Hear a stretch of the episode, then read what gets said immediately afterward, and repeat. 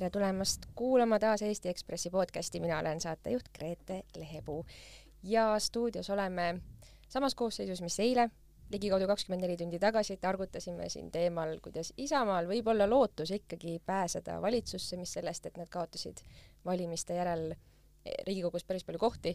ja poliitiliselt ähm, võib-olla ei tundu ka esimene valik see, et nemad võiksid Kaja Kallas uues valitsuses olla ja ka me ikkagi leidsime põhjendusi, miks see võiks nii juhtuda ja nüüd täna, Herman, räägi palun, mis juhtus kell üksteist päeval? juhtus see, mida me ootasime tegelikult juba eile, aga mis leidis aset väikse viivitusega, sest et Kaja Kallas ja Reformierakond võtsid natukene aega, et ähm, küsida erakonna juhtidelt mõned küsimused, nii nagu peaminister seda sõnastas, ta ei öelnud, mis need küsimused on, aga eks ta oma ootamatult suurt jõuõlga tahtis natukene kasutada milliste erakondade, siis kas ainult sotsid ja Eesti kakssada või kõik, kõigi erakondadega jõudis ta rääkis ikkagi kõigi nelja erakonnaga, tegelikult viiega, isegi Martin Helmega rääkis küll mitte koalitsiooni tegemisest.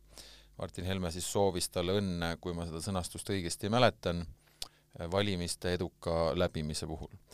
aga igatahes nelja erakonnaga Kallas rääkis, Keskerakonna puhul ta tõi välja, et eestikeelne haridus on võib-olla selline komistuskivi, kuigi Jüri Ratas olla öelnud, et ei ole ta midagi, Isamaa kohta ta ei öelnud, et mis siis nagu saatuslikuks sai või nii, aga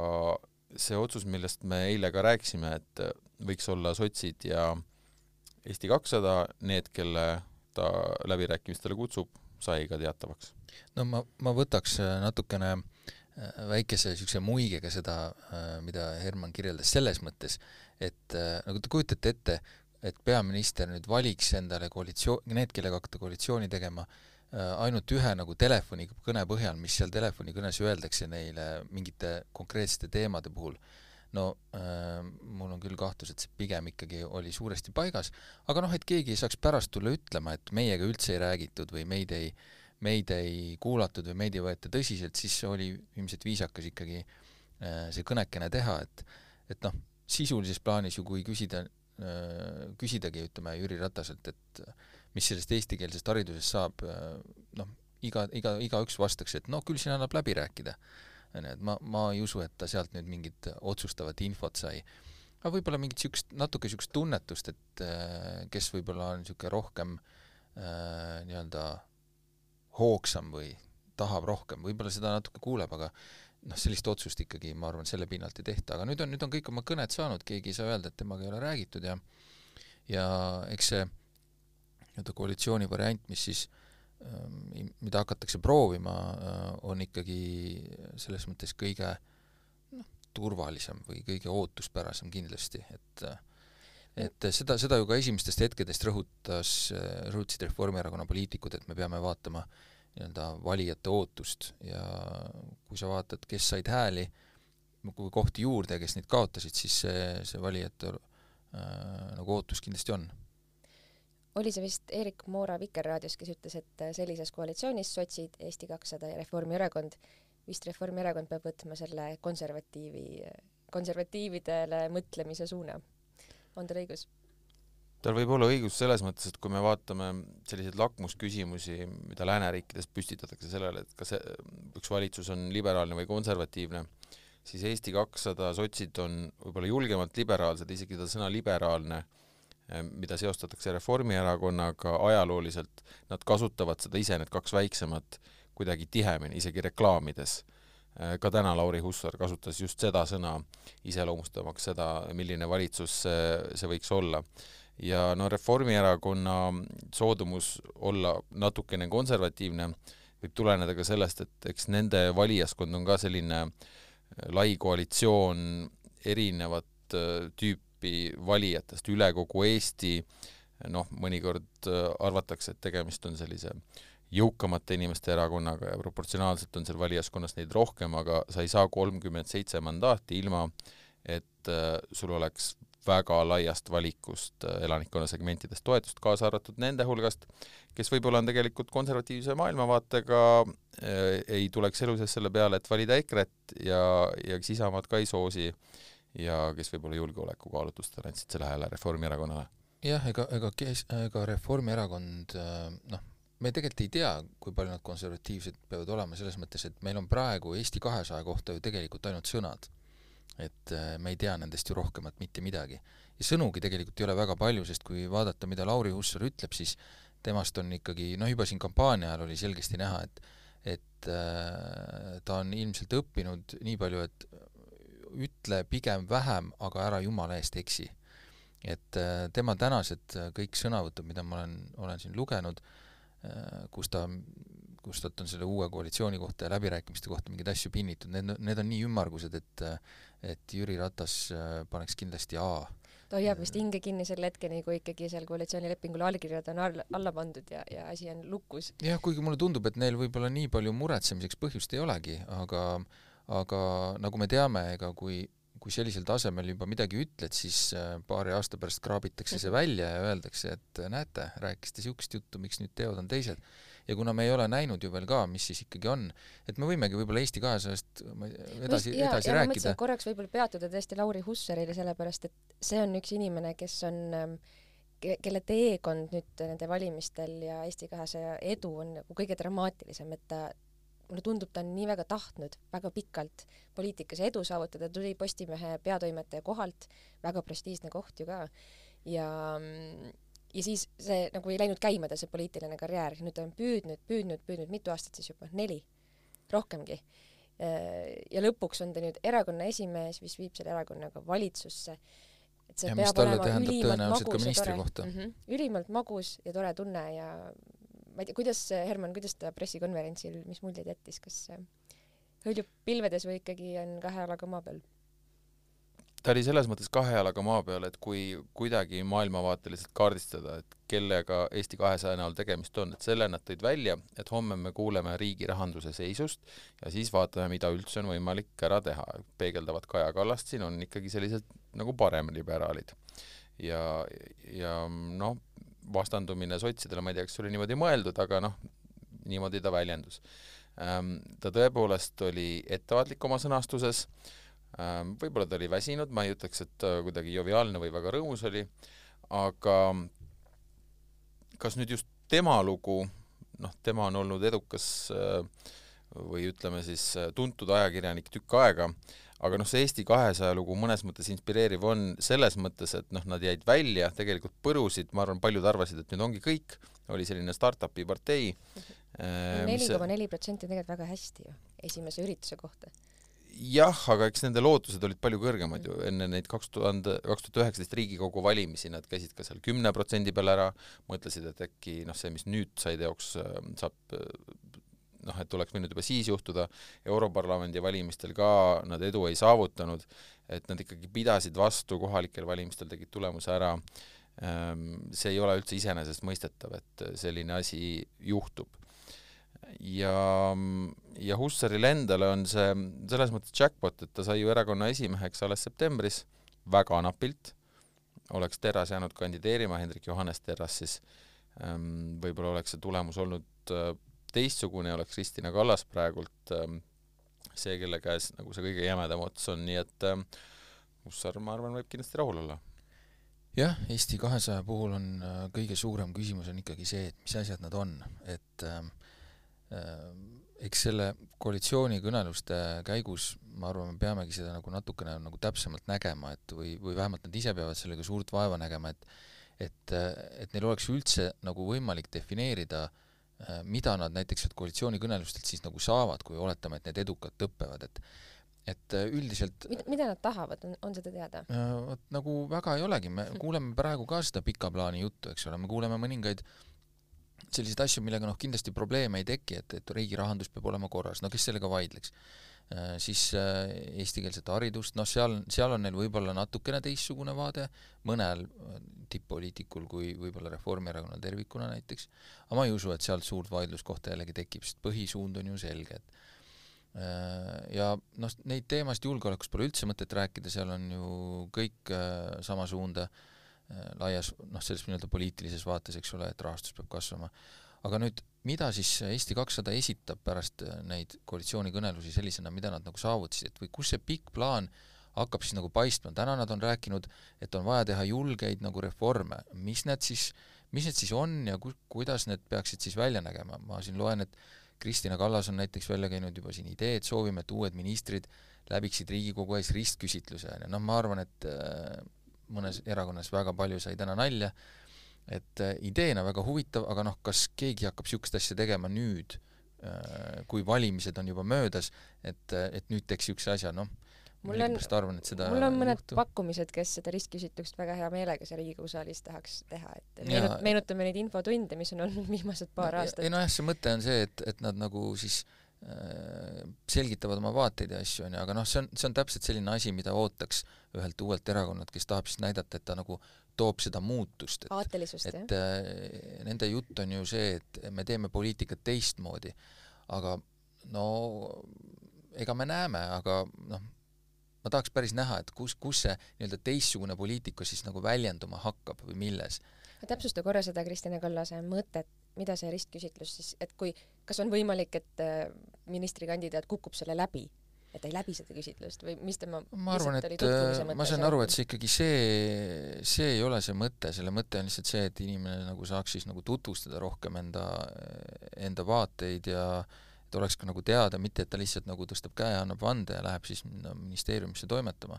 vaid et, et ka Riigikogu siis saaks natukene paremat pilti, et kes see inimene on ja mis mõtetega ta siis läheb sinna, sinna oma ministeeriumi majja, et et äh, mina sain aru, et nagu see on umbes see point. aga noh, võib-olla see on lihtsalt üks selline pisikene näide, mis ma arvan, siis peabki ilmestama seda nii-öelda teistsugust poliitikat, aga see ei saa kindlasti jääda selliste väikeste asjakeste tasemele, et, et äh, noh, see saab olema huvitav, et et kus, kus me siis leiame selle nii-öelda teistsuguse poliitika, mida nad on kõik need aastad reklaaminud. Nii, käime kiirelt üle ka sotsid ja siis võiksime ennustada ministrikohti. kuidas sotsidel täna tuju oli, ilmselt ka hea? sotsid isegi ei hakanud ootama selle omaenda pressikonverentsini või, või esinemiseni, mis neil plaanitud oli, et nad äh, lasid juba varem välja info, et nad on nõus küll, noh, tegelikult andsid sellest juba eile mõista, tundub, et keegi sellist näitemängu väga ei tahtnud teha, isegi kui Kaja Kallase poolt äh, seda veidi oli, et äh, ega see ei oleks eriti usutav ka olnud. ja mm, noh, küsimus on selles, et millega nad valmis äh, leppima on, et nende puhul on vähem seda küsimust, kes nad on, ja rohkem seda küsimust, et ähm, millega seoses nad peavad kompromisse tegema. Eesti kahesaja puhul tõepoolest, et Päevalehe jaoks üritasime Kärt Anveltiga siis leida neid programmilisi erisusi, kus võiks näiteks Eesti kahesaja ja Reformierakonna vahel vaidluseks minna, väga raske oli neid leida. no sotsidega võib-olla on natuke teine tera lihtsalt äh, sellepärast, et mõnel juhul nad lubavad päris palju, üksikisiku tulumaks näiteks, tulumaksuvaba miinimum tuhat kakssada eurot, eks ju. aga seal see ühisosa võib olla lihtsalt see, et need maksu miljon astet, mis meil praegu on, on ju. kõik kolm tahavad küüru kaotada mm -hmm., mistõttu võib vist järeldada, et küllap see küür kaob Reformierakond tahab tõsta seitsmesaja euroni tulumaksuvaba miinimumi,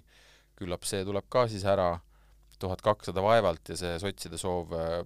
teha kõrgem maks kolm tuhat eurot või rohkem teenivatele inimestele,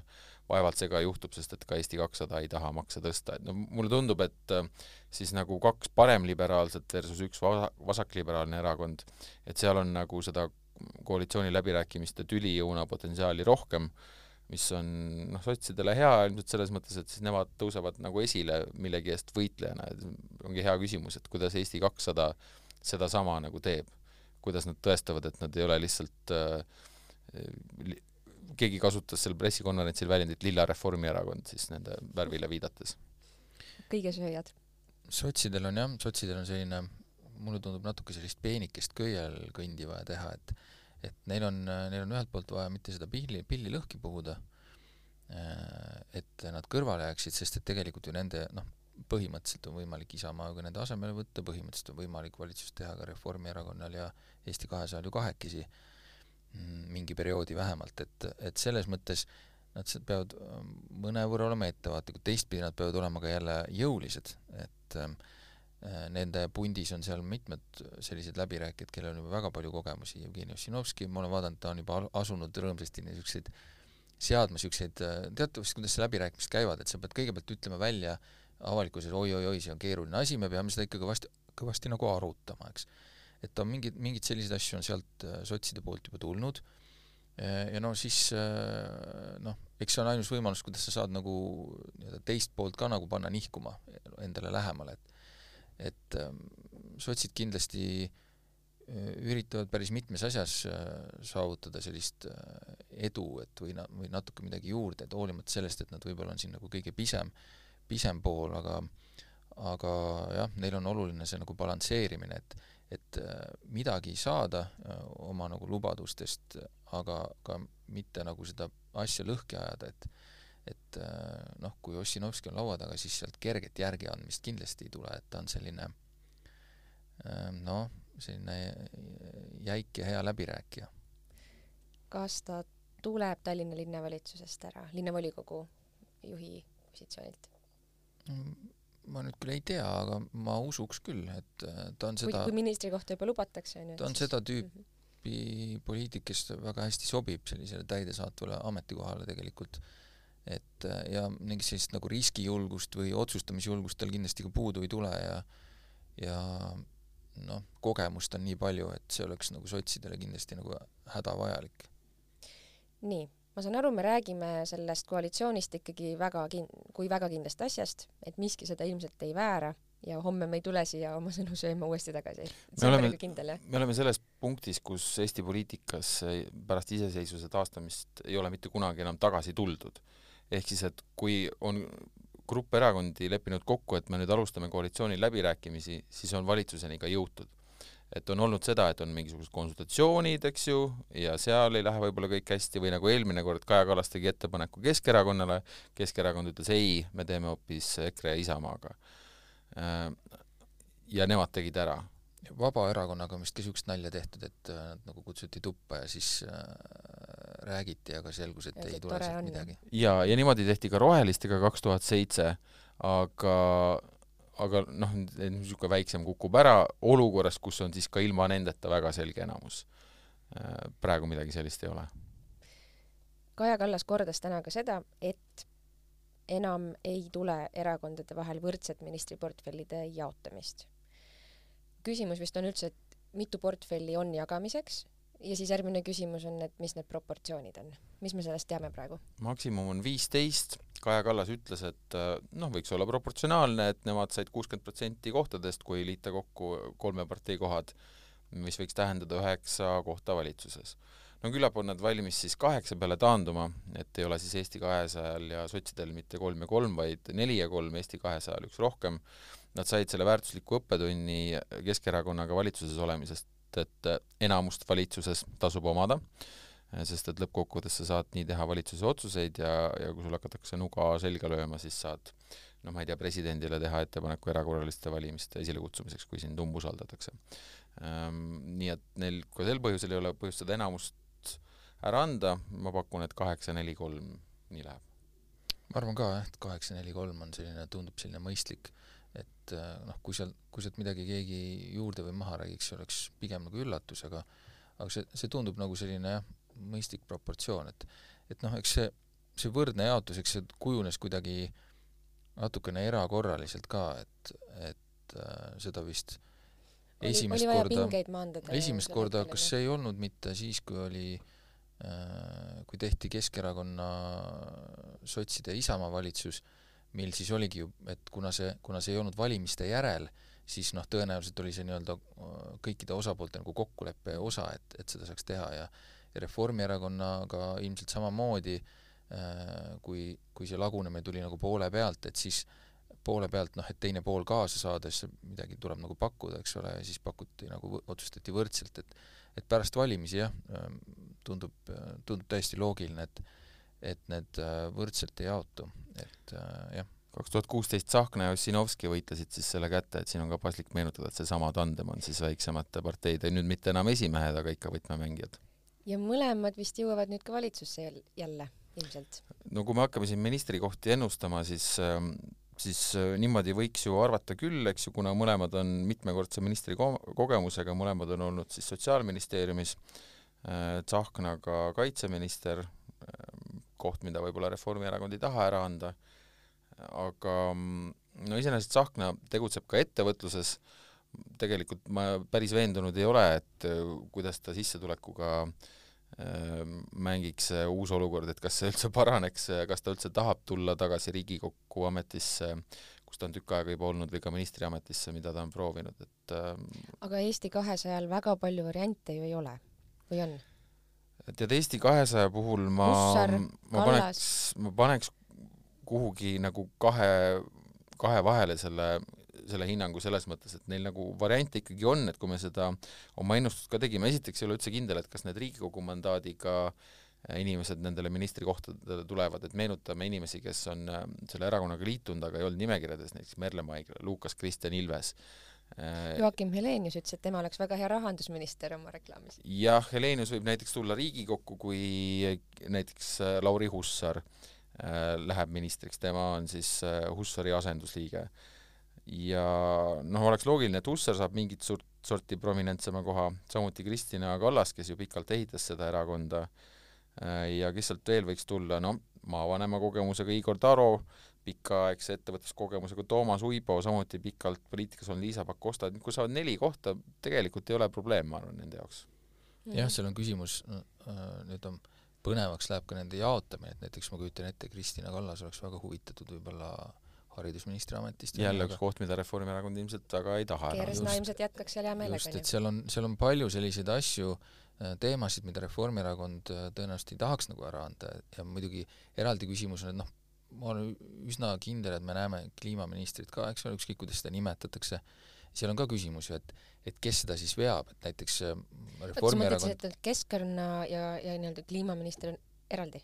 Lüüakse lahku nagu töö ja tervishoid no või, või mulle tundub, et äh, programmides oli küll eraldi äh, kliima- või rohepöörde ministri nagu loo-, loom-, ametikoha nagu loomine, et et see mõnes mõttes oleks loogiline, arvestades, kui tähtsaks on Reformierakond eriti ja ka, ja ka Eesti kakssada seda teemat pidanud, et et siis võiks ju olla eraldi inimene, muidugi seal on küsimus see, et seal ei saa kohe näidata väga kiiresti nagu tulemusi, aga äh, nagu, nagu teada, need ministrikohtade loomine alati ka äh, näitab natuke äh,, mitte natuke, vaid tegelikult päris palju seda, mida konkreetne valitsus oluliseks peab teemadest. et selles mõttes oleks täitsa loogiline, kui seal oleks eraldi minister, isegi kui tema nagu selle nelja aasta jooksul siin töö noh, võib-olla liiga palju praktilisi tulemusi ei näita, aga see ettevalmistustöö on seda olulisem tegelikult. et äh, noh, kas Reformierakond tahaks selle ära anda näit-, äh, näiteks Eesti kahesajale, kes tahaks ka selle teemaga väga tegeleda, ja see on ju, see on ju ka valdkond, kus Äh, tulevikus on pildis olemine garanteeritud, eks ole, kui me vaatame noori, see teema väga huvitab, see äh, kui seal hästi silma paista, mõistlikult esineda, on võimalik äh, ehitada päris head sellist nagu ka valijabaasi tulevikuks, nii et aga on ka võimalik väga suur hulk inimesi välja vihastada? nojah, aga ma arvan, et ähm, kui me vaatame tulevikku ette, siis tõenäoliselt nii-öelda nende hulk, kes peavad seda teemat nagu oluliseks, nende hulk nagu kasvab, aga küsimus on kindlasti, kuidas see mõistlik, mõistlik lähenemine on, et, et kui see saab olema, sõnumid saaksid olema sellised nagu noh, rohelistel näiteks äh, kampaaniad, mis on väga sellised jäigad äh, näiteks ettevõtluse ja majanduse suhtes, eks, noh, siis muidugi ei ole erilist edu loota, aga ma, ma arvan, et kui valitsuses juba, kui erakonnad jõudnud valitsusse, siis lihtsalt pead arvestama sellega nende teiste vaadetega, leidma seda tasakaalu kes Reformierakonnas sellist portfelli võiks kanda, mul tuleb praegu silme ette pigem hoopis Madis Kallas sotsidest, kes alustas siin äh, meie raiemahtude vähendamisega ja selles suunas mõtleb ja tegutseb ja julgeb otsustada. Reformierakonnal on, ma ei tea, kes võiks olla nende kliimaminister, ma lihtsalt märgiks ära, et ähm, neil on tulemas sisse nii mõnigi kahekümnendates eluaastates inimene Kristo Enn Vaga näiteks, aga noh, kliimateemadele eriti keskendunud on äh, suhteliselt kindlalt äh, asendusliikmena sisse tulev kahekümne kolme aastane Hannah Lahe, ilmselt ta ei saa ministriks, aga lihtsalt selline, selline asi, mida nagu märkida. Ja Hendrik Johannes Terras vist on äh,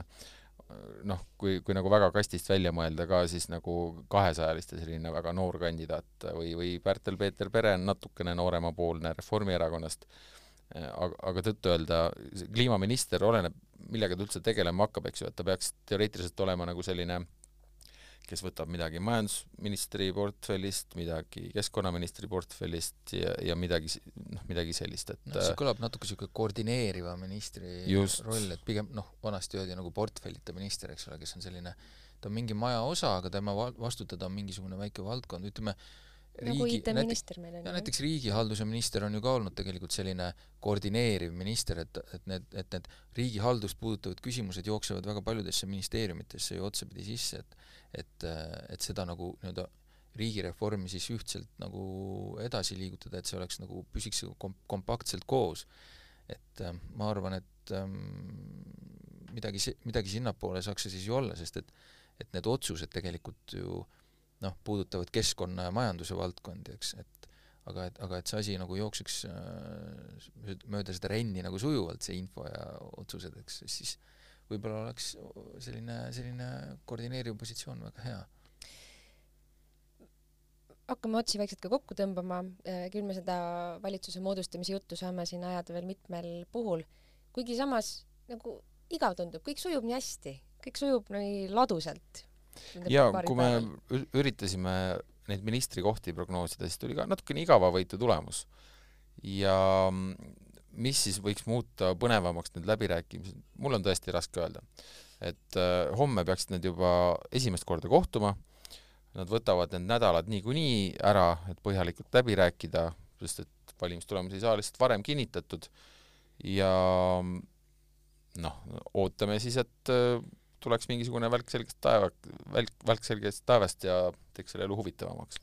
ma kahtlustan küll tegelikult, et ei tule, et äh, kui vaadata ka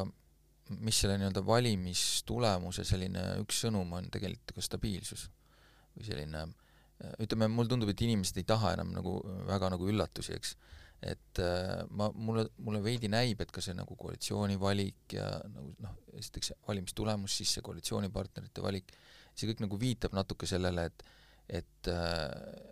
me peame nüüd seda stabiilsust ka näitama või selles mõttes, et inimesi mitte liiga, liiga ärritama, eks. mille, mille tõttu ma arvan, et äh, võib-olla ma eksin, aga ma arvan, et ka see nii-öelda ministrite valik saab pigem olema, äh, võib-olla mõned üllatused äkki tulevad, on ju, aga, aga pigem sinna ikka kindla poole või sellise, sellise poole, mis inimesi nagu noh, ei negatiivselt ega positiivselt ei, ei ärrita ütleme välispoliitiliselt ja, ja maailma mastaabis on, on nii palju turbulentse, nii palju ebakindlust, et võib-olla ongi hea, kui me siin väikses oma konnatiigis vahepeal vesi ei vahuta. jah, võib-olla ka hea võimalus korra mõelda, kes see välisminister võiks olla, et ähm, võib-olla Hanno Pevkur võtab selle endale, siis kaitseministri koht jääb, ma ei tea, kas Hussarile või Tsahknale äh,. Marko Mihkelson ikka, ikka veel mitte, jah? ma ei tea, võib-olla saab väliskomisjoni esimehe juhi koha tagasi ja hakkab niimoodi tasapisi minema, aga ta ei ole ju varem ka ministriks saanud juba enne seda skandaali. ja kliimaministri kandidaat tegelikult on olemas küll, võib-olla Zuzu siis. jätame selle kuulajate mõelda, kas, kas tal mandaati oleks ja, ja võib-olla tõesti see on siis see väikene heleroheline, neoonroheline laigukene muidu üsna äh, monotoonses või sellises tasases paletis selles uues valitsuses aitäh, Urmas Jaagant, aitäh, Herman Kelomees ja Ekspressi podcast ikka meie veebilehelt leitav ja Delfi taskust niisamuti. kõike head!